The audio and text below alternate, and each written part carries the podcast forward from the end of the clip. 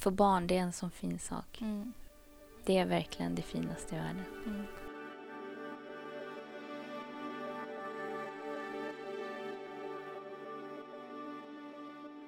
Då säger jag hej och välkommen till Magda. Tack. Berätta lite, vem är Magda? Ja, vem är jag? Eh, jag är 31 år. Eh, just nu studerar jag. Jag är mamma, syster och fru. Jag har bott i Stockholm i 13 år. Jag har tre barn, eh, två döttrar och en son. Eh, döttrarna är 10 och 4 och vår son är 7 år. Eh, jag är gift, har varit tillsammans med min man i 14 år. Och jag träffade dig för att prata lite om äggdonation. Eh, berätta lite, hur går en sån till? Det är en ganska utdragen process. Först tar man ett blodprov och sen måste man vänta i sex månader. Och efter de sex månaderna så blir det ganska intensivt. Och man går på eh, kuratormöten och eh, ultraljud. Och vad är det man gör på ett sånt här kuratorsamtal? Eh, man pratar om familjeförhållanden, varför jag donerar ägg eh, och mina tankar kring det. Varför har du valt att donera ägg? Eh, Jag har en lilla syster som har två stycken barn, ett änglabarn och lilla Isabelle. Um, Hon försökte bli gravid ganska länge, både med sin nuvarande man och sin förra pojkvän. Uh, Sen blev det klart att, att hon inte kan få barn på egen hand, eller att det är svårt. Så då, jag var den som följde hennes process och uh, gick igenom den smärtan som hon känner. Så att det var, det var jobbigt för henne och det var jobbigt för mig. Mm. Och då kände du att du ville hjälpa till? Då ville jag hjälpa till, ja. Jag visste inte att man kunde donera ägg.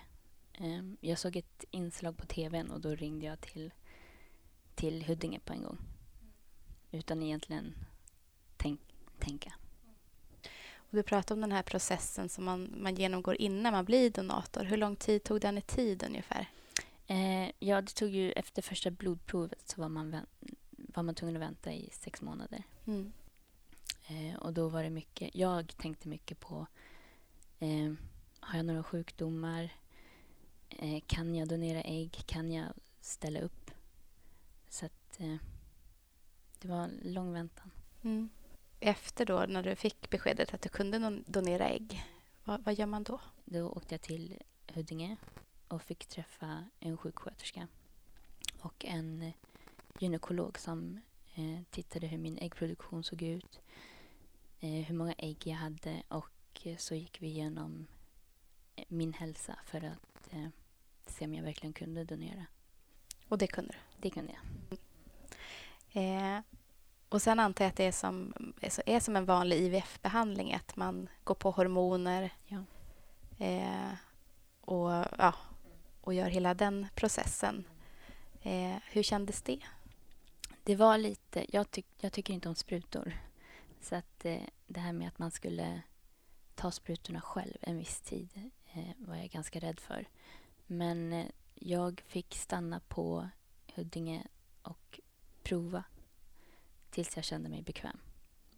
Och då fick jag sticka eh, nålar i bollar och, eh, och de släppte mig inte förrän jag var bekväm i situationen. Mm. Och du kände inte att du ville ha hjälp av, av din man till exempel? Nej, jag tror att det hade blivit svårare. Ja. ja. Eh, gick du också på sån här nedreglering när man går ner i klimakteriet och tar nässpray och så eller räckte det med hormoner? Det räckte med hormoner. Mm. Hur kändes själva utplocket? Ehm, min lilla syster sa att jag skulle förbereda mig på att det skulle göra ont. Men jag tror att jag var så bekväm i situationen eh, så att jag var redan lugn. Ehm, så jag tyckte inte att det gjorde så ont. Nej.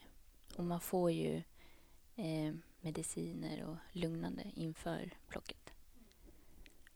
Och hur, hur många ägg fick ni ut? 21 stycken. 21 stycken. Så det var ganska många. Mm. Och du sa att du hade varit på Huddinge, så då är det alltså via landstinget som du har valt att donera.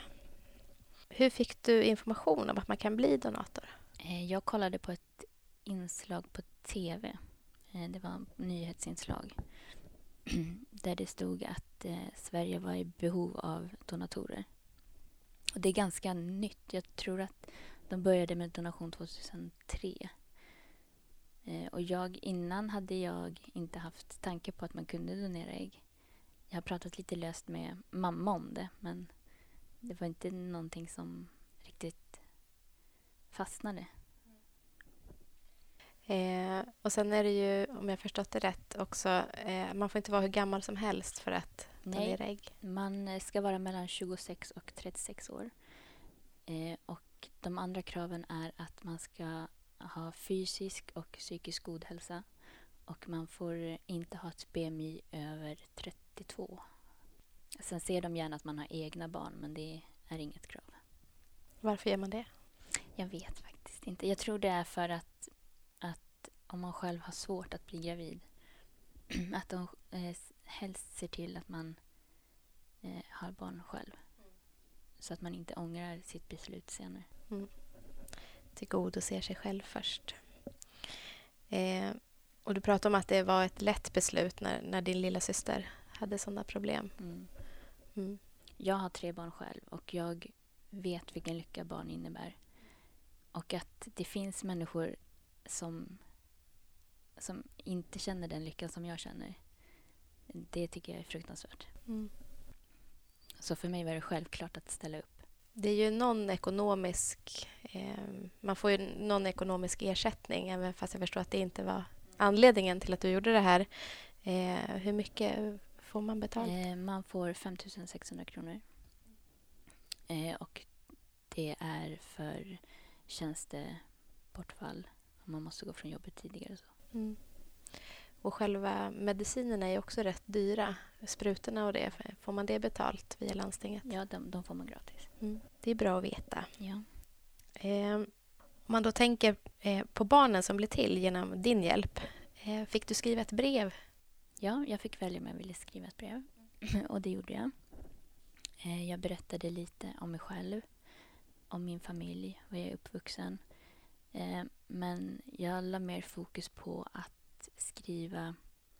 Men jag skrev till exempel att den ska känna sig älskad för att den är unik och att eh, den var efterlängtad långt innan den fanns. För det kommer tid, tidpunkter i livet då man, ja, man kan känna sig nere, man kan känna sig oälskad. Men så är ju inte fallet. Det finns människor runt omkring som, som verkligen bryr sig. Eh, och det är viktigt att veta, speciellt för en tonåring. Mm. Och när får eh, barnen läsa de här breven?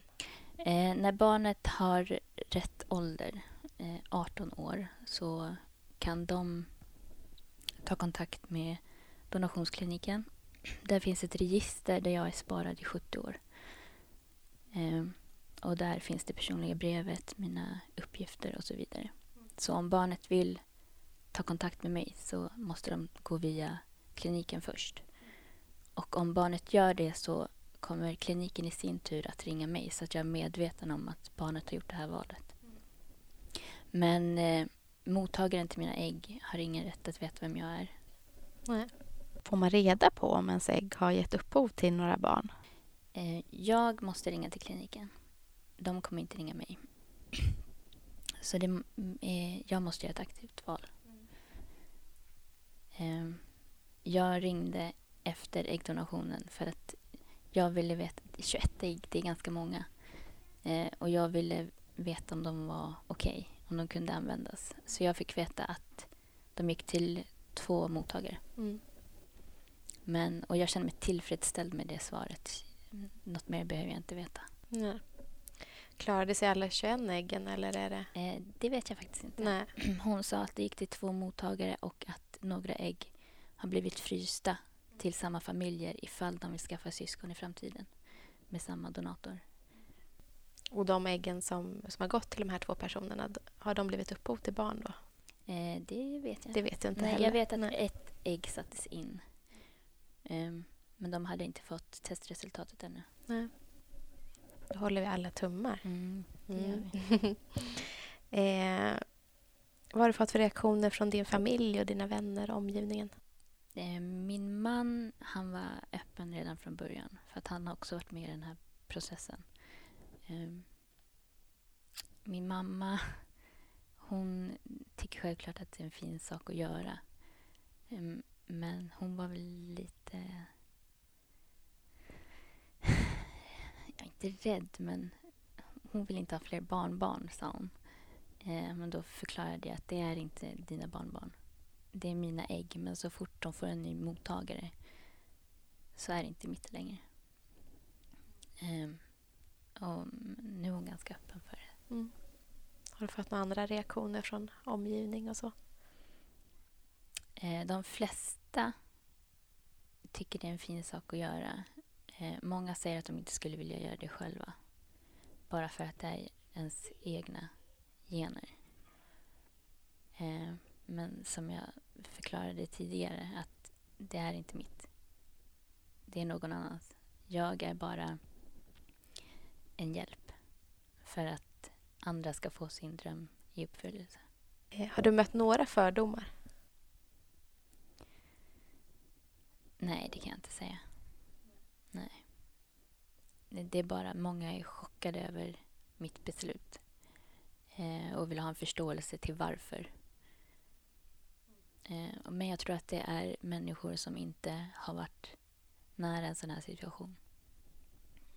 Eh, jag hoppas verkligen att det är fler som blir medvetna om att äggdonation finns eh, och att man vill ställa upp eh, för att hjälpa andra människor.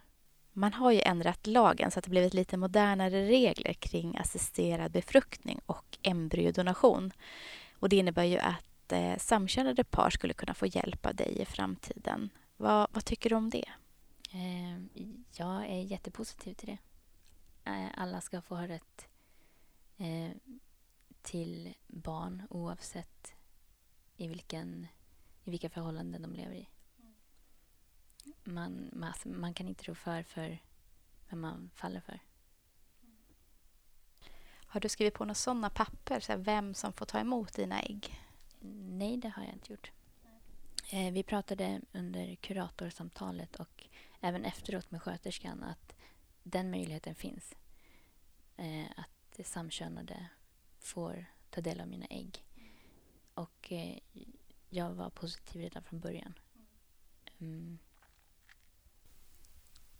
Eh, mottagaren eh, kan inte välja ägg.